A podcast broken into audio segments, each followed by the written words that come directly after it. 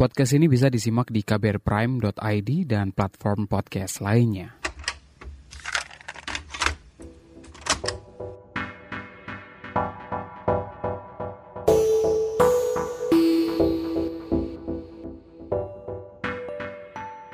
Salah satu orang yang ingin saya ajak ngobrol ketika mulai merencanakan untuk bikin podcast ini adalah Dede Utomo, pendiri organisasi hak-hak LGBT Gaya Nusantara yang dimulai tahun 87.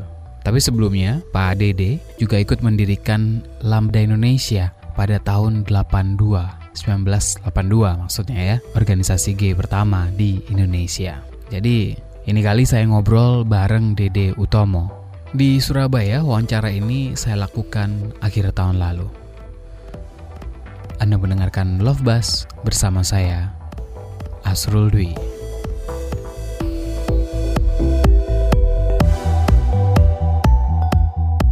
Love Buzz membicarakan perkara yang tidak dibicarakan ketika berbicara perkara cinta.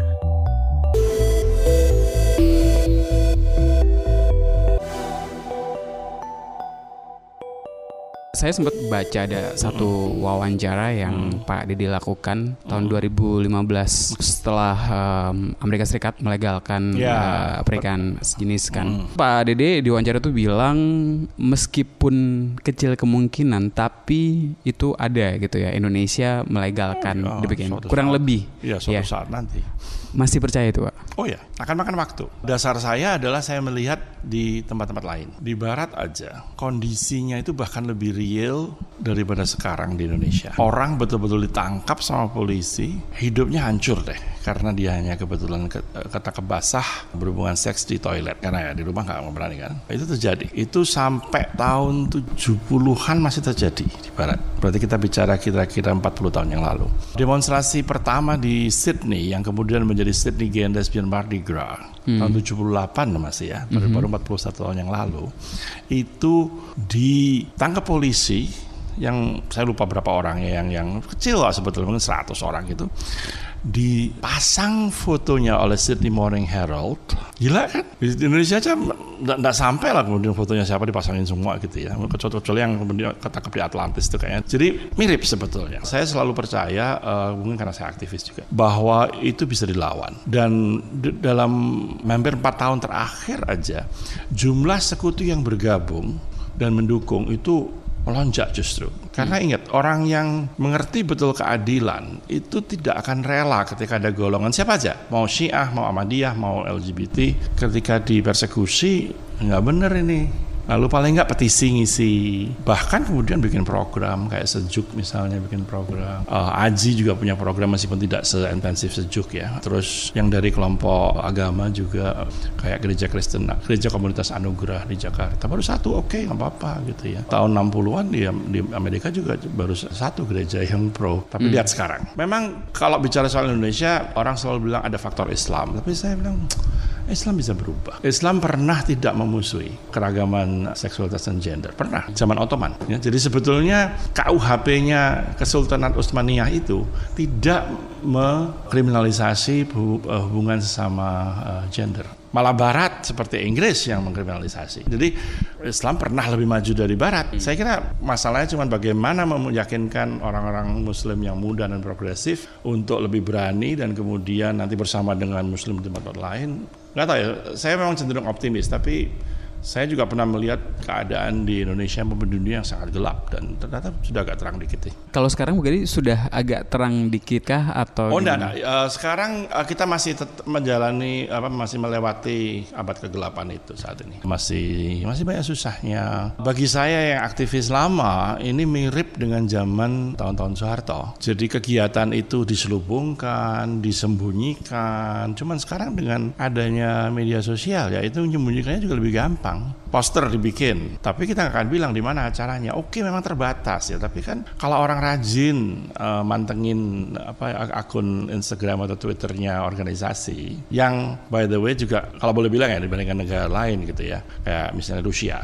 kita kan ya belum ditutup kan uh, akun Instagramnya kebanyakan organisasi LGBT. Dan kalau ditutup, kalau saya belajar dari seorang aktivis komik pornografis ya bikin baru lagi. Iya, segampang itu gitu. kan? Segampang itu, mungkin dalam satu menit sudah jadi kan. Aha. Sekarang dengan aplikasi itu gila-gilaan kan, karena di bawah satu menit sudah jadi akunnya, terus habis itu tinggal pindahin aja dari yang kan pasti ada di mana lah di whatever lah di mungkin di stick apa di uh, flash drive-nya di mana pokoknya whatever lah. Jadi teknologinya udah membantu. Memang ada kecelakaan-kecelakaan seperti teman-teman di Aceh yang kena cambuk itu atau teman-teman lesbi yang diusir dari kosnya masih terjadi. Tapi menurut saya gini, selalu ada perlawanan. Itu yang membuat saya optimis. Selalu ada perlawanan. Orang tidak tinggal diam. Bahkan yang digerebek di Atlantis itu pun langsung LBH masyarakat di situ malam itu juga. Tidak mudah memang karena ada orang yang adalah "Ah, mending bayar aja daripada nanti nanti kalau terlalu lama ketahuan media macam-macam. Ya kita ngerti juga ketakutan itu.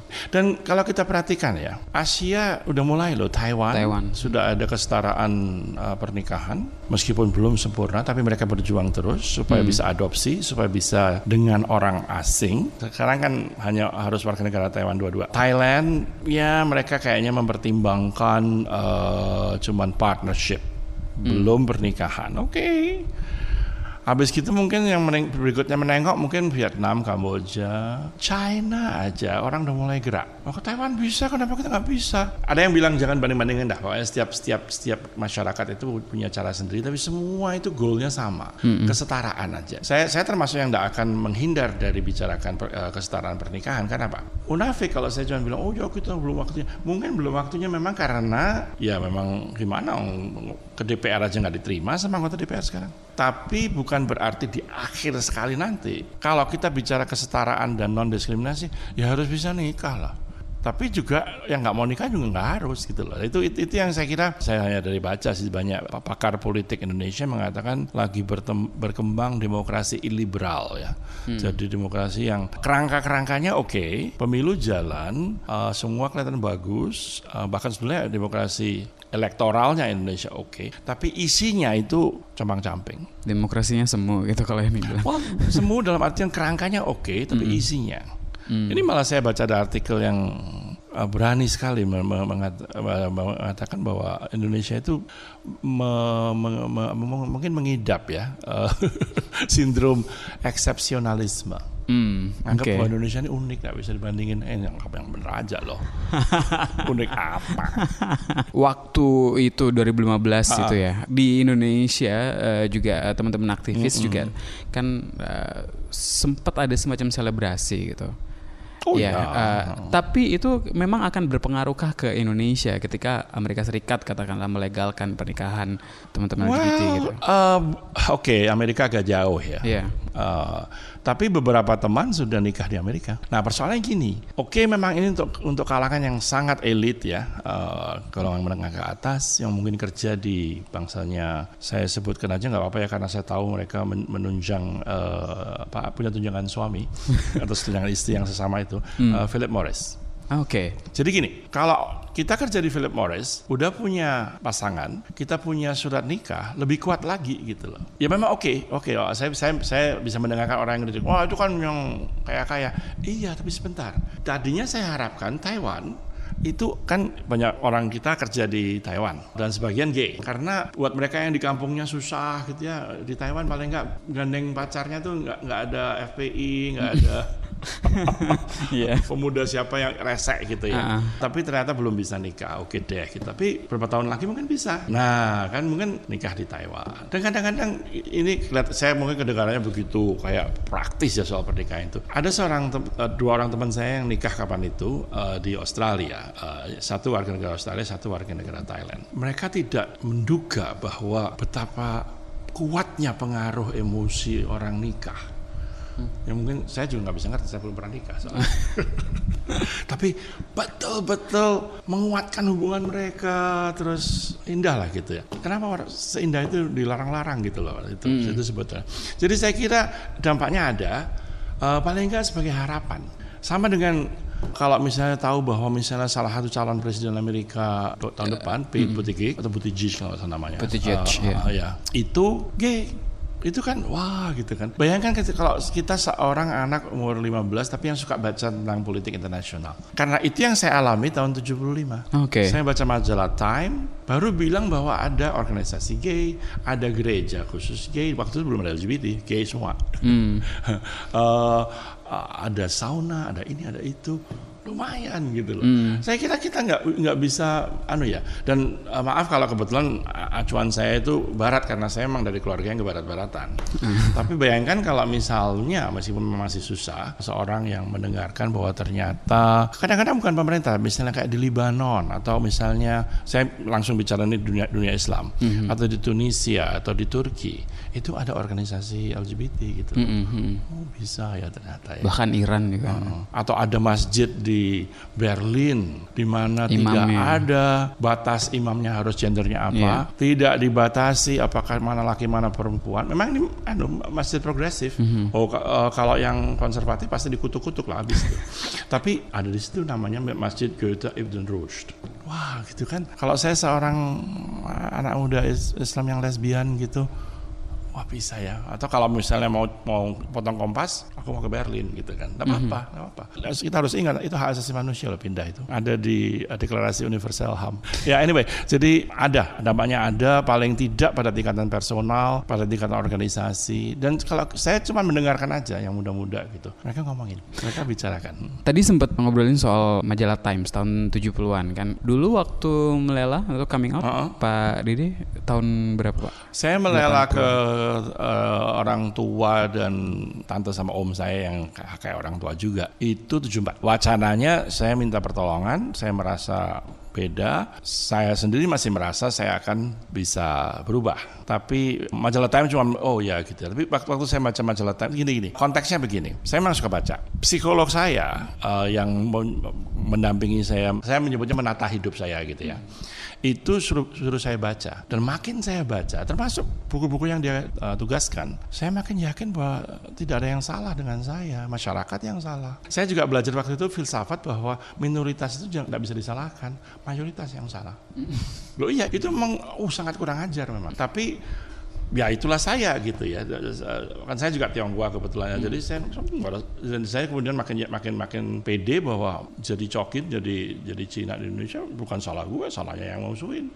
Kok nggak bisa nerima? Jadi kayak gitu-gitu itu. Baru sesudah saya baca makin banyak 79 akhir eh, melelayang Melela. ke semua orang Di tahun itu gitu ya, eh, akhir tahun 70-an kan berarti Pak. Coming out sebagai gay, eh, minoritas dan Kris Katolik ya Pak? Katolik Aku Kristen? beragama. Dulu. Oh, oke. Pada by, by that Dulu. time saya udah nggak beragama Oh, udah enggak ya? Ah, saya udah ninggalkan semua agama saya Katolik dulunya kalau mau ditelusuri Ah. Tapi waktu itu kan masih belum banyak ya, atau bahkan mungkin nggak ada orang yang publicly melela Nah, gitu ya. gini, saya itu kebetulan saya lagi bimbing tesis mengenai itu.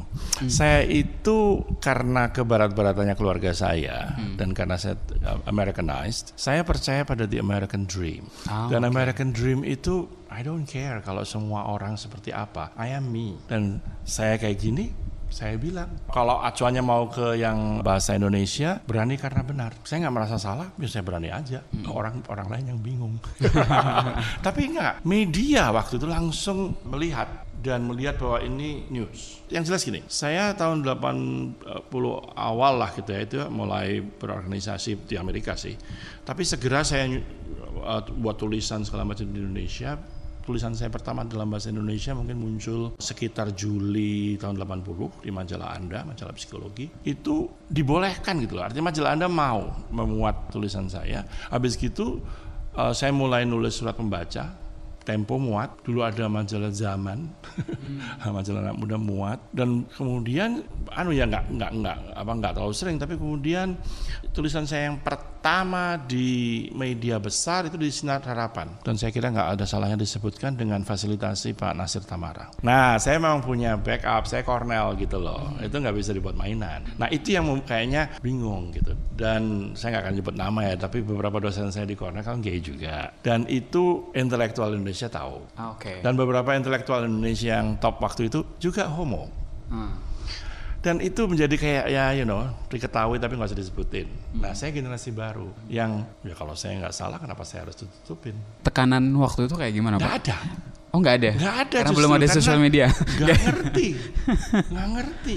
Hmm. Satu dua pendeta nulis surat kembalilah kepada jalan yang benar ya saya coba tapi ya nggak nggak nggak jalan gitu karena sangat bertentangan tapi em, ya malah saya diundang sama UI waktu itu saya ingat saya tanggal tanggal 21 pulang diundang sama visip UI untuk ceramah. Terus responsnya bagus malah nggak ada hampir nggak ada yang negatif. Ah yang negatif adalah beberapa perguruan tinggi di Surabaya yang tadinya mengharapkan saya akan bergabung sama mereka sebagai, sebagai staf pengajar nolak kayaknya disebut nggak apa ya Nggak apa-apa. IKIP, IKIP Surabaya, IKIP Malang, Universitas Kristen Petra sampai sekarang. Sampai sekarang masih. Oh, ya. Oh, Oke. Sebutin aja nggak apa-apa. Name and shame. Sama Widya Mandala tapi saya sudah diampuni sejak 2008. Sekarang sudah ngajar di situ kan Saya soalnya. sudah ampun, diampuni. Tapi ya gitu loh, efeknya adalah kemudian ke- pekerjaan saya agak susah. Tapi ya ada aja sih yang terima. Tapi kalau sampai sekarang berarti juga sebenarnya juga nggak ada masalah bahkan kampus gitu kan. Sebetulnya, ya kecuali kalau acaranya dibuat kayak apa ya, terbuka gitu ya, kadang-kadang atau sekarang beberapa eh, ajakan untuk wawancara kadang-kadang jadi batal di menjelang akhir gitu. Hanya dikit sekali sih sebetulnya. Atau undangan dari gereja mana sih yang akan nyebut deh supaya kasihan sama mereka. Eh, itu dibatalin. Untungnya saya belum berangkat. Tapi sebetulnya itu juga pernah terjadi. Bukan kata saya bicara tentang homoseksualitas. Saya sebetulnya kalau ini saya sebutin karena kayak hampir nggak nggak mungkin saya akan diterima oleh mereka. Eh, jaringan Universitas Muhammadiyah kelihatan sekali gitu loh. Dan dan gayanya gaya Jawa gitu. Muter muter muter muter sampai tiga, tiga jam sebelum acara saya belum bisa berangkat karena belum ada eh, lampu hijau. Wow. Brawijaya pernah kayak gitu juga. Ah, Itu itu saya berani bilang karena kemudian masuk ke media rektor melarang melarang mahasiswa waktu itu untuk mengadakan acara. Kalau UNER gimana? UNER secara umum UNER itu pernah punya dosen-dosen senior yang gay. Saya waktu itu di FISIP kan ya. Saya nyebut aja agak agak kabur-kabur gitu ya. Yang tahu tahu, yang nggak tahu nggak tahu. FISIP itu pernah punya seorang dosen senior yang gay atau zaman sekarang kan disebut queer kali ya. Yang pernah menjadi koresponden Lambda Indonesia, organisasi pertama yang saya dirikan untuk Surabaya. Karena dia mendukung, bukan karena dia sendiri queer. Nggak, nggak masalah gitu kan. Kalau mau disebut sebagai sekutu, fine, silakan. Jadi ketika saya ke UNER, saya, saya senangnya itu eh, Linda Kristanti eh, mewawancari saya di, di, di Pantau, disebutkan bahwa Pak Tandio, almarhum, tahu ketika saya eh, diajak untuk apa diwawancara untuk dipertimbangkan untuk jadi dosen itu, dia udah tahu karena saya udah ngomong ngomong, ngomong di Tempo segala macam. Pokoknya dia eh, saya bukan orang asing lagi gitu, tapi saya diterima ya karena zaman itu PhD dari Cornell lagi itu jarang gitu loh. Jadi ya diterima, udah pokoknya tanpa pertanyaan. Malah kelihatan sekali bahwa orang ngerti gitu.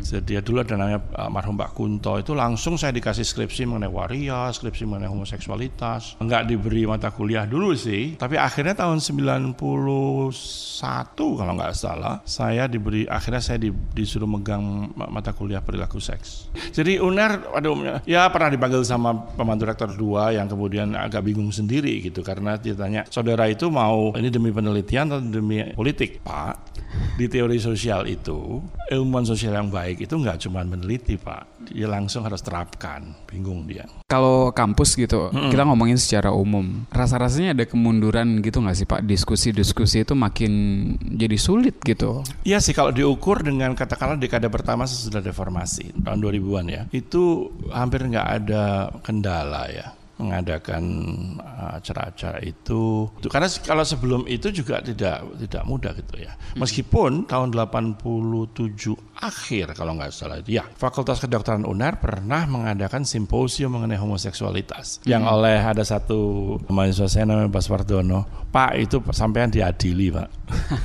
itu yang di Hotel Majapahit ya Pak? Enggak, itu yang di aulanya Fakultas Kedokteran. Dan memang kemudian suaranya ke sana kemari gitu loh. Tadi yang dosen antropologi senior itu tanpa coming out, tanpa melela, dia membela. Saya punya fakta yang Javanologi tersinggung karena saya bilang hayam buruk dicatat di negara Kartagaman dan Pararaton itu menari dengan pakaian perempuan dan punya nama perempuan. Tapi ya kayak kucumbu indah tuh, apa tubuh indahku itu loh jadi biasa. Itu saya bilang ada yang problematik saya bilang sama orang Javanologi bahwa kalau laki-laki pakai pakaian perempuan itu rendah. Anda nggak ngerti budaya Jawa sebetulnya kan, kan dalam tari Jawa itu bisa dilaksanakan dan dan tidak didatangi FPI. U- UGM waktu itu ngadakan eh, kalau nggak salah motornya Pak Umar Kayam tahun 86 tentang homoseksualitas. Bukan karena saya aja tapi di mana-mana orang lagi bicara, graffiti menerbitkan itu apa kami bukan lelaki itu apa itu yang punya Kemalat Mojo, lalu ada banyak-banyak acara waria, terus ada Lambda Indonesia yang kemudian jadi gaya Nusantara, yang itu, itu kemudian kayak dibaptis di Hotel Majapahit itu. Nah, di Hotel Majapahit itu tuh saya ketemu sama artikel di majalah Tempo, Tempo. bulan November. November kira-kira. Tapi agak sedikit homofobik gitu nggak sih? Well, gini ya, saya lebih melihatnya gini. Waktu itu bangsanya uh, Tempo segala itu cenderung kayak kepo gitu loh, pengen tahu. Oke. Kalau zaman sekarang kepo, jadi mau ngintip, oh kayak gini tak gitu ya. Hmm. Uh, mungkin waktu itu saya kurang sensitif juga, saya anggap sudah oke. Uh, waktu itu di, di, di, dimuat oleh uh, media massa itu sudah sesuatu gitu. Tapi ya mereka belum ngerti juga. Tapi kalau diperhatikan mereka itu kalau nggak salah ada sampai 10 halaman kan mengenai Minang ditulis sama Iya, Asrul Sani, terus ada mengenai Warok. Uh, jadi sebetulnya Tempo dengan kekurangan di sana sini itu berusaha untuk menunjukkan loh peta homoseksualitas dan transgender di Indonesia itu lama sudah lama dan bukan hal yang baru gitu. Dan memang kalau nggak salah pada nomor berikutnya dia kayaknya dia diteleponin banyak orang itu makanya uh, Tempo harus membuat kayak semacam ada ulama yang ngutuk-ngutuk gitu di dimuat gitu. Ya sudahlah itu ya cover both sides kan tapi yang sebetulnya tahu lah itu.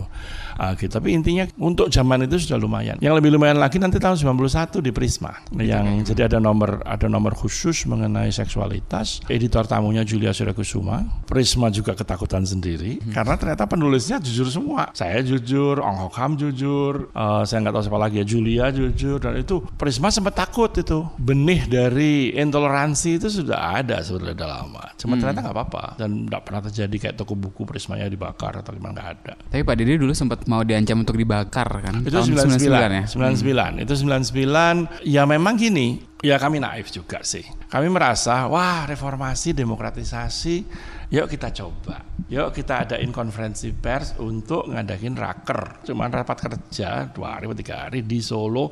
Solo dipilih karena weekend sesudah itu ada acara yang tahunan waktu namanya September Ceria di Tawangmangu. Ah, itu memudahkan lah uh, orang-orang yang mau kemudian mau ke sana. Jadi transport sudah dompleng ke itu. Mungkin kesalahan kami adalah terlalu percaya pada media semua kita kirimi Republika lah siapa semua. Kompas siapa aja dikirimi Solo Pos tahu ya eh, gini deh yang, yang betul adalah FPI-nya Surakarta FPIS itu kemudian oh, ribut gitu. Kami tidak rela mungkin udah lihat clippingnya ya. Eh, Solo menjadi Sodom dan Gomora yang sebenarnya menarik.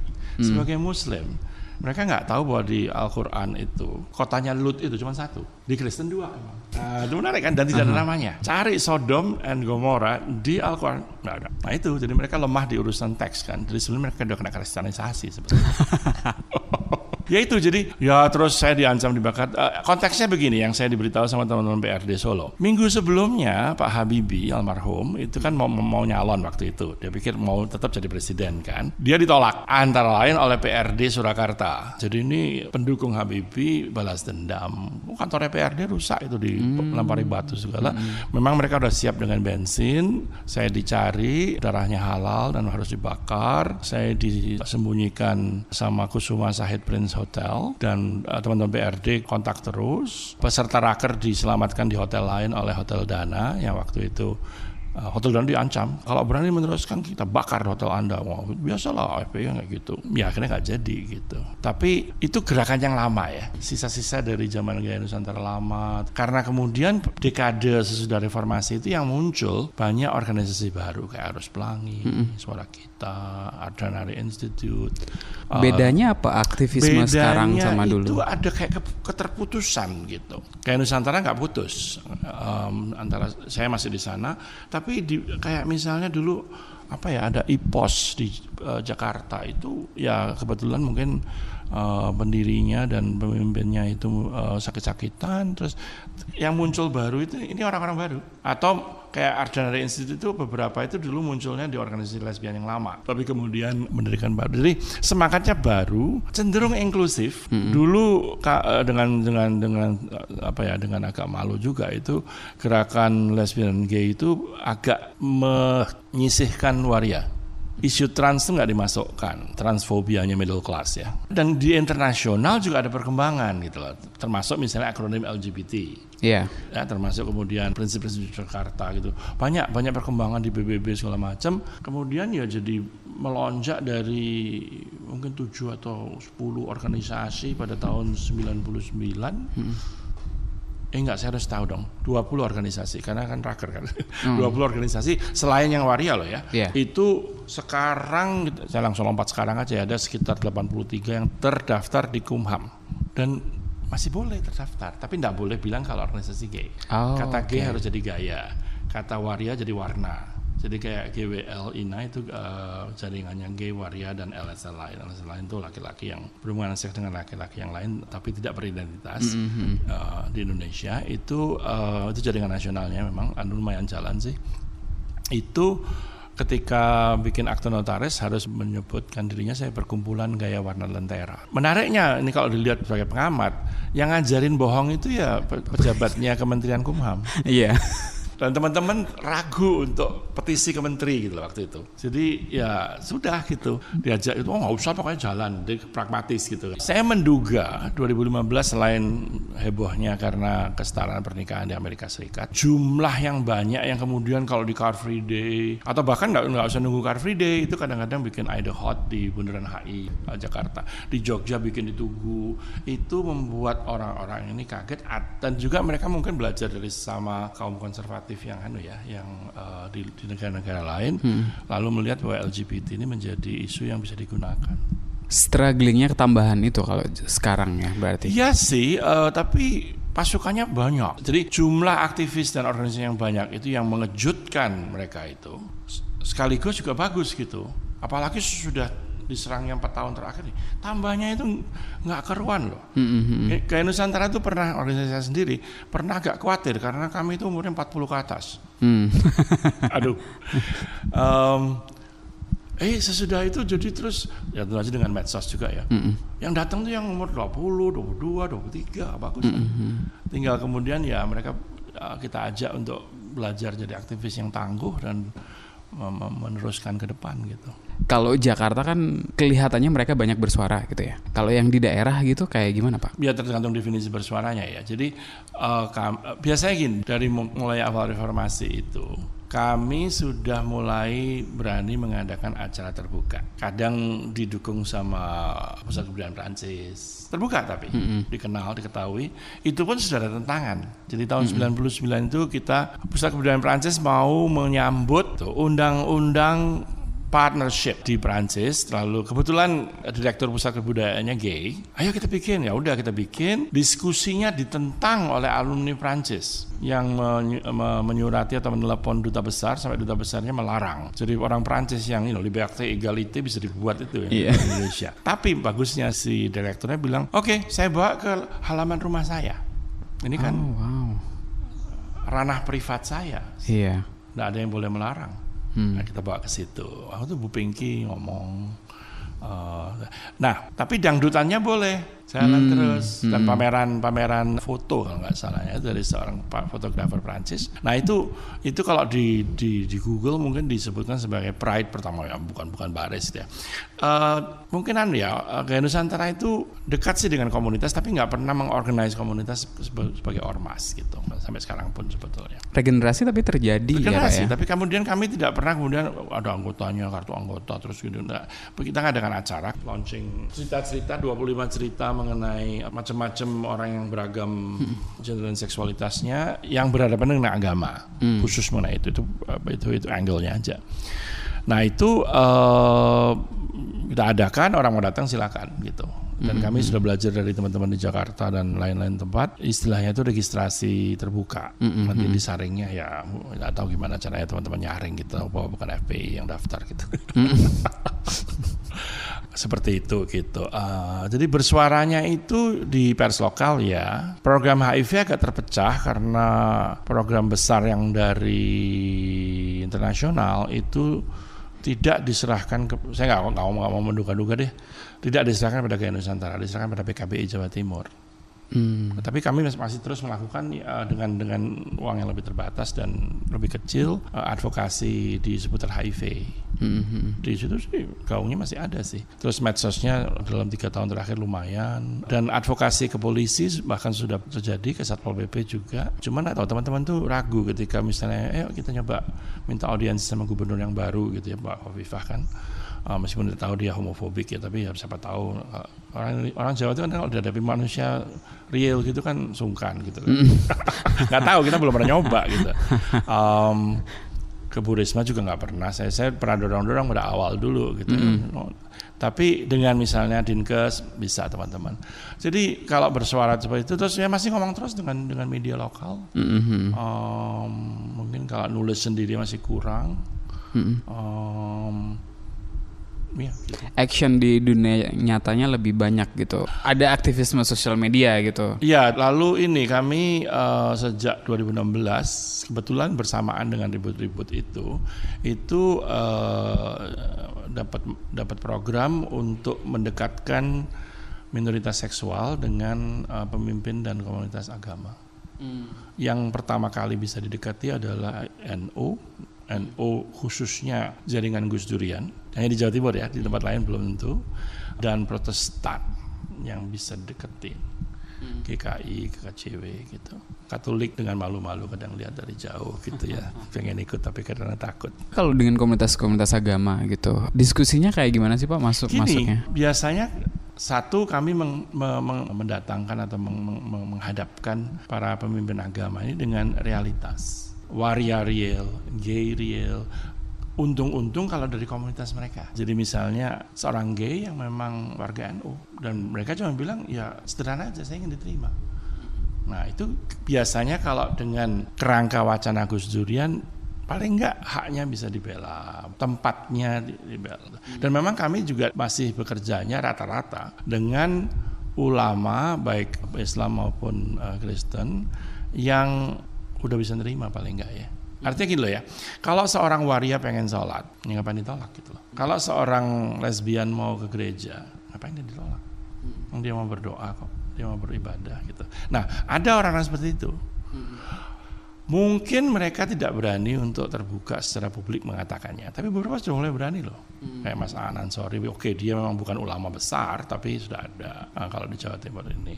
Kristennya masih ya belum belum ada yang jelas. Tapi kita biasanya numpang eh, sekolah tinggi teologi Jakarta dan memang kita bersama dengan STT Jakarta, dengan Gereja Komunitas Anugerah, dengan ada satu jaringan yang sekretariat di Cirebon sih, ya eh, Youth Interfaith Forum on Sexuality. Nah, itu YUFOS itu partner yang kerja gitu. Ada lagi rumah kitab terus yang sesudah 2018 dengan sejuk eh, Serikat Jurnalis untuk Ke- Keberagaman yang tidak hanya seksualitas tapi seksualitas menjadi salah satu program mereka dengan Aji sering. Lalu yang bagus juga karena ada satu program internasional yang namanya Maju, Access to Justice, saya lupa M-nya tuh apa tuh. Itu LBH LBH mulai ngerti bahwa sebenarnya sederhana ya kalau orang ngerti HAM ya. HAM itu universal, nggak ada HAM hanya untuk yang Sunni.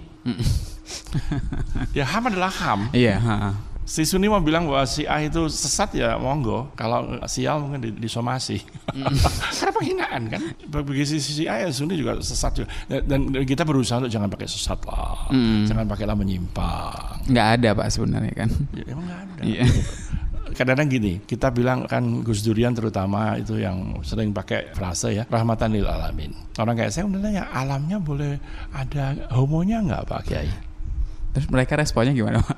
Kalau ditanya gitu. ada aja sih gitu ya. sudah thank you atau yang mancing kadang bukan saya tapi Pak Masaan gitu Artinya penerimaan itu sudah mulai mulai mulai tapi masih panjang jalannya untuk Masih fully panjang, accepted masih panjang. gitu ya. dan ya kita kita jalan terus gitu Ya, bahkan kita di Sumeneb pernah orang bilang gila lo ke Sumeneb hmm, it's okay keluarga saya sampai segala macam kamu nanti pulang naik apa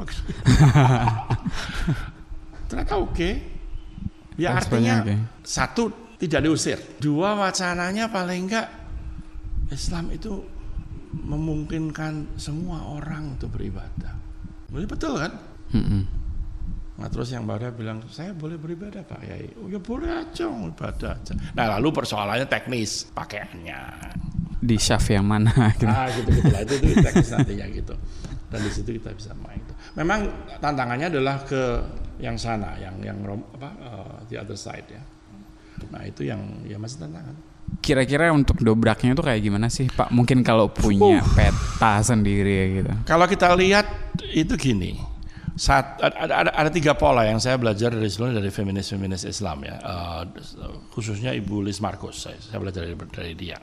Yang pertama itu adalah yang mungkin paling menggerakkan orang itu adalah uh, riwayat riwayat nyata. Riwayat nyata tentang bagaimana hidup sebagai orang yang terlahir mungkin memang dibesarkan laki-laki tapi ternyata jadinya bukan laki-laki. Hmm. atau dibesarkan perempuan menjadi begitu atau you know diperkirakan heteroseksual tapi ternyata homoseksual. Umumnya mereka yang sudah paling enggak lebih menerima ini ya atau paling nggak yang rahmatan lil alamin ini ya.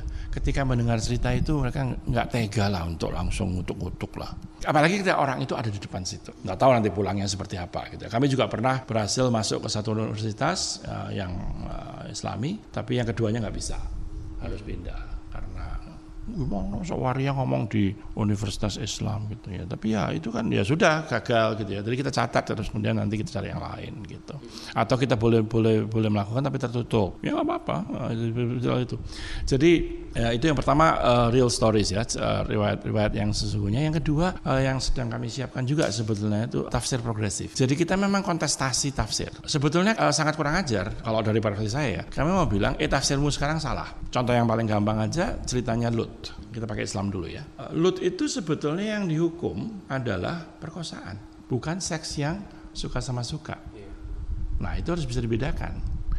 Lalu bahkan saya kutip aja Bu Musdah Mulia mengatakan Allah itu nggak mungkin sejahat itu sampai bayi-bayi janda-janda orang dengan disabilitas dihukum juga. Nah kalau saya pinjam dari Uskup Agung Desmond Tutu dari Afrika Selatan, if God is like that, I don't want to see him. Ya, nggak mungkin. Nah itu yang kadang-kadang orang-orang yang untuk-untuk terlupa, mereka salah-salah disu sama Tuhan, digugat sama Tuhan. Aku nggak gitu kok. Hmm.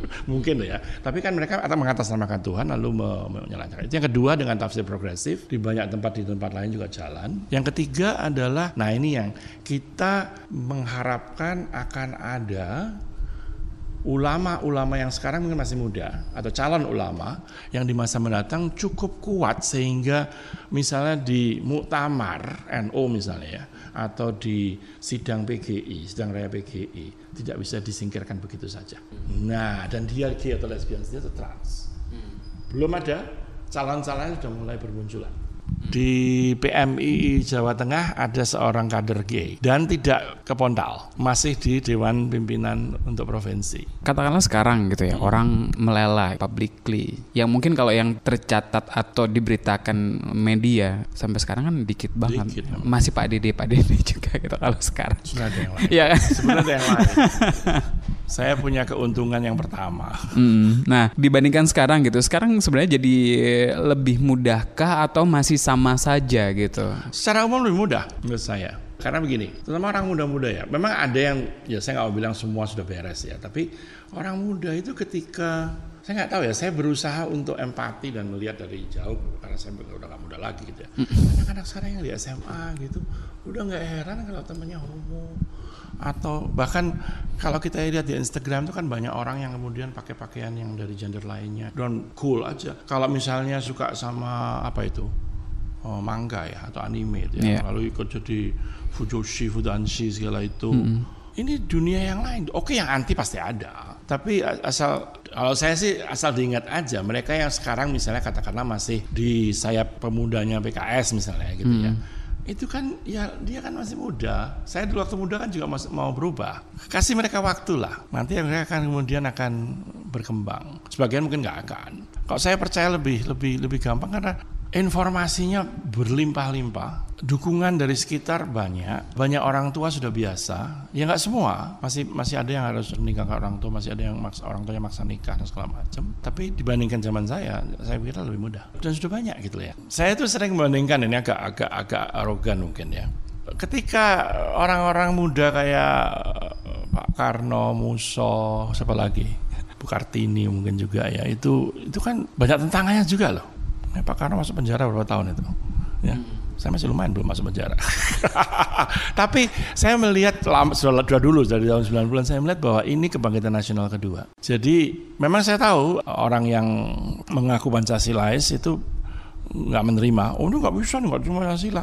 Ya, lu nggak ngerti Pancasila aja gitu. Hmm. katanya kemanusiaan, kemanusiaan pilih-pilih berarti kemanusiaan yang adil dan beradab untuk heteroseksual, Sunni, hmm. apalagi non Papua Barat. Iya benar. Sih kan mereka nggak ngerti HAM aja dan menariknya ada orang yang seperti itu jadi masalah waktu aja uh, pasukan saya bilang pasukannya udah banyak sekali dan bertambah terus. Dan arenanya juga makin beragam ya. Medsos pasti film masih jalan terus. Bayangin tanpa ada pengaruh dari gerakan Mas Garin bikin film Kucumbu itu. Itu baru satu nanti yang lain lagi. Mm-hmm. kapan itu siapa? Luki Kuswandi ya bikin Madam X tapi kalau yeah. lama itu oh.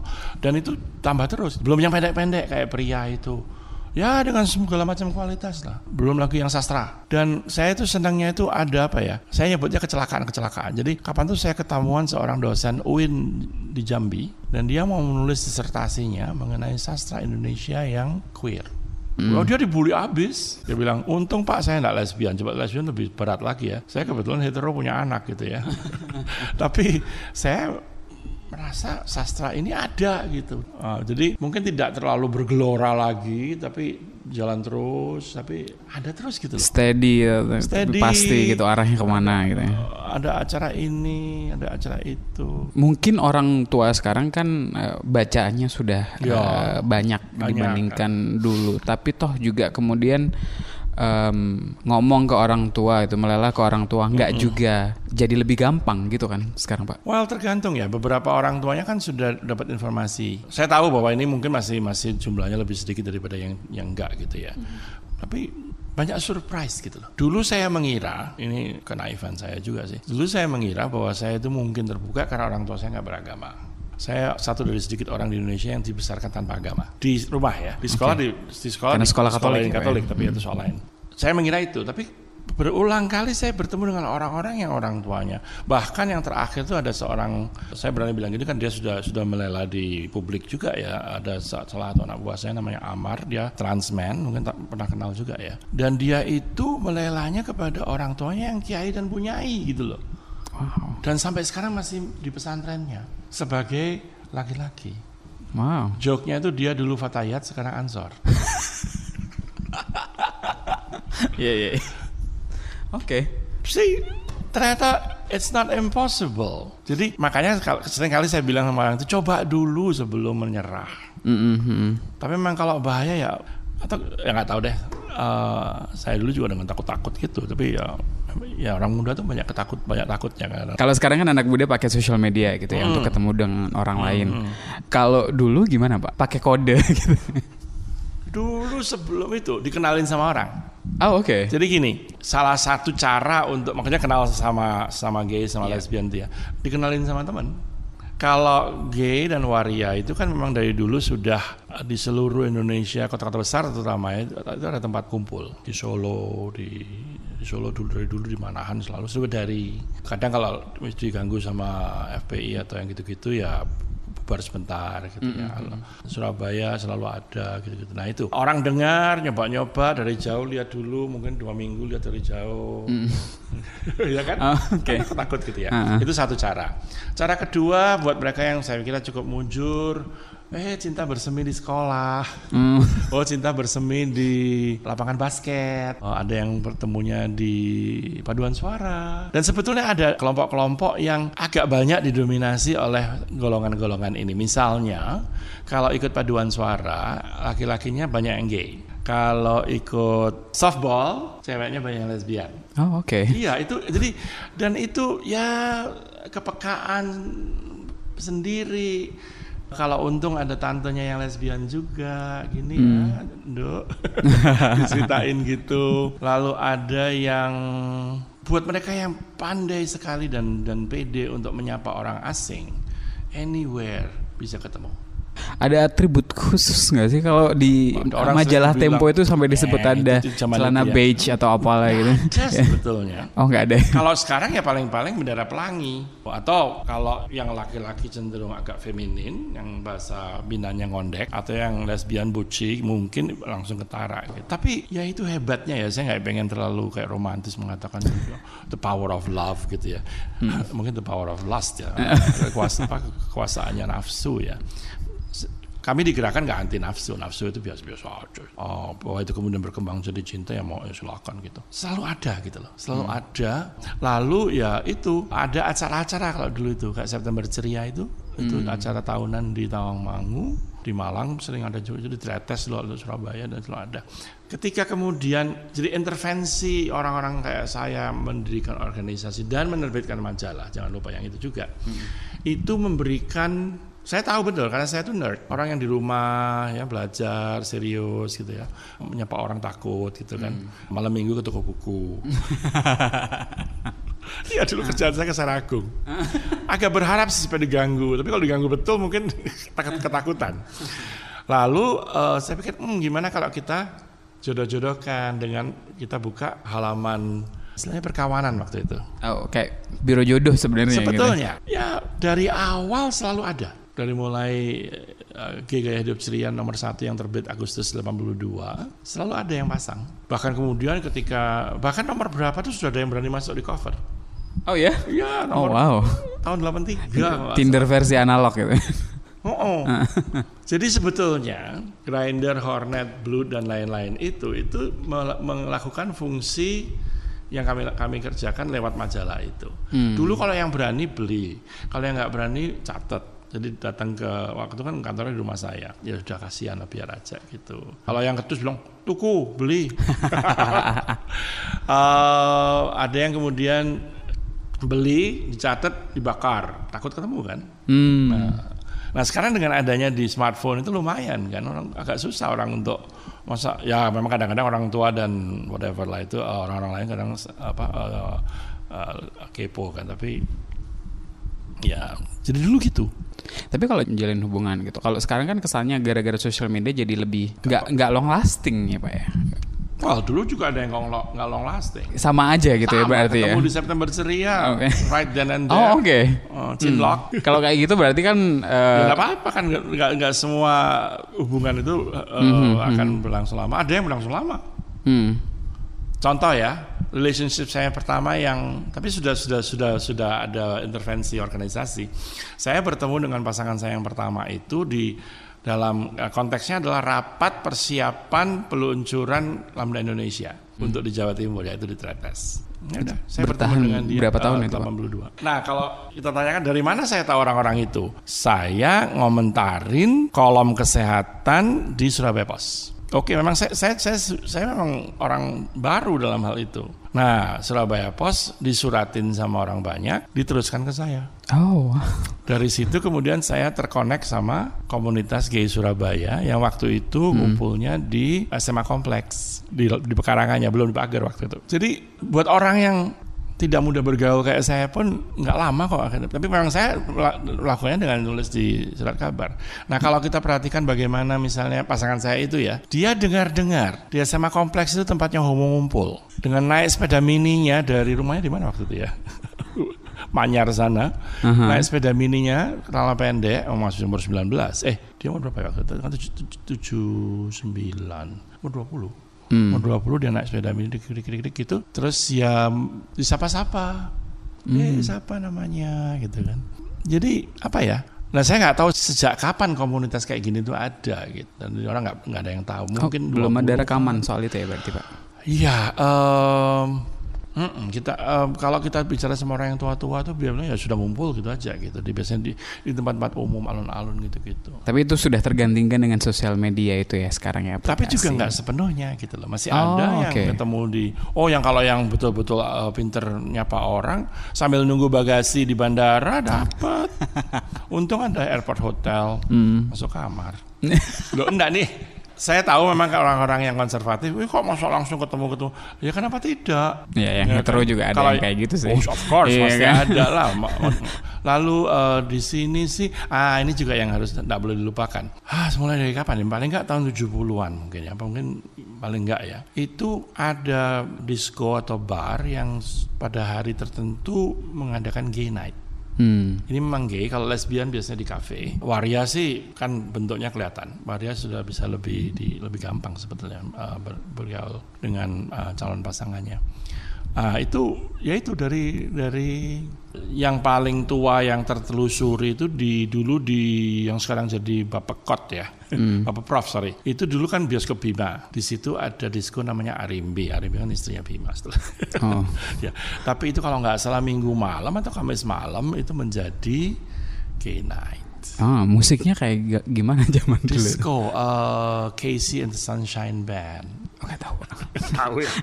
nggak tahu saya. Tapi beberapa sekarang berulang lagi. Uh. Donna Summer. Oh ya, Donna uh, Summer tahu. Mm -hmm. Muncul lagi gitu. Mm -hmm. um, terus atau ngumpul bersama beberapa tempat Surabaya termasuk yang hebat tuh punya Waria Night. Di Taman Remaja mungkin mulai tahun 81 mungkin. Uh, atau bahkan lebih awal lagi mungkin.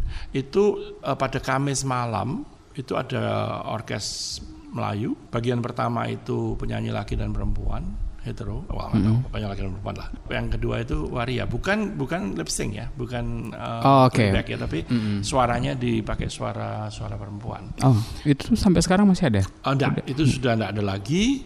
Uh, di Jogja pernah di, aduh namanya apa saya lupa itu, uh, yang di jalan ke arah Parangtritis itu, saya lupa. Jogja pernah ada di Jakarta juga pernah ada, Solo pernah ada. Yang sekarang hanya tinggal di Bali masih ada, sama katanya Jakarta masih jalan. Apollo masih buka, terus apalagi ML, uh, Moonlight. Nggak tahu apa itu karena kok nggak pernah Moonlight tuh rasanya nggak pernah diganggu sama FPI ya itulah venue-venue-nya untuk yang saya bilang untuk lesbian bisa di di cafe dan dari kenal ke kenal. Oh jangan lupa juga khusus untuk gay dan waria atau calon waria itu salon. Salah satu saya belajar dari almarhum Pak Jamie Mackey, uh, ekonom.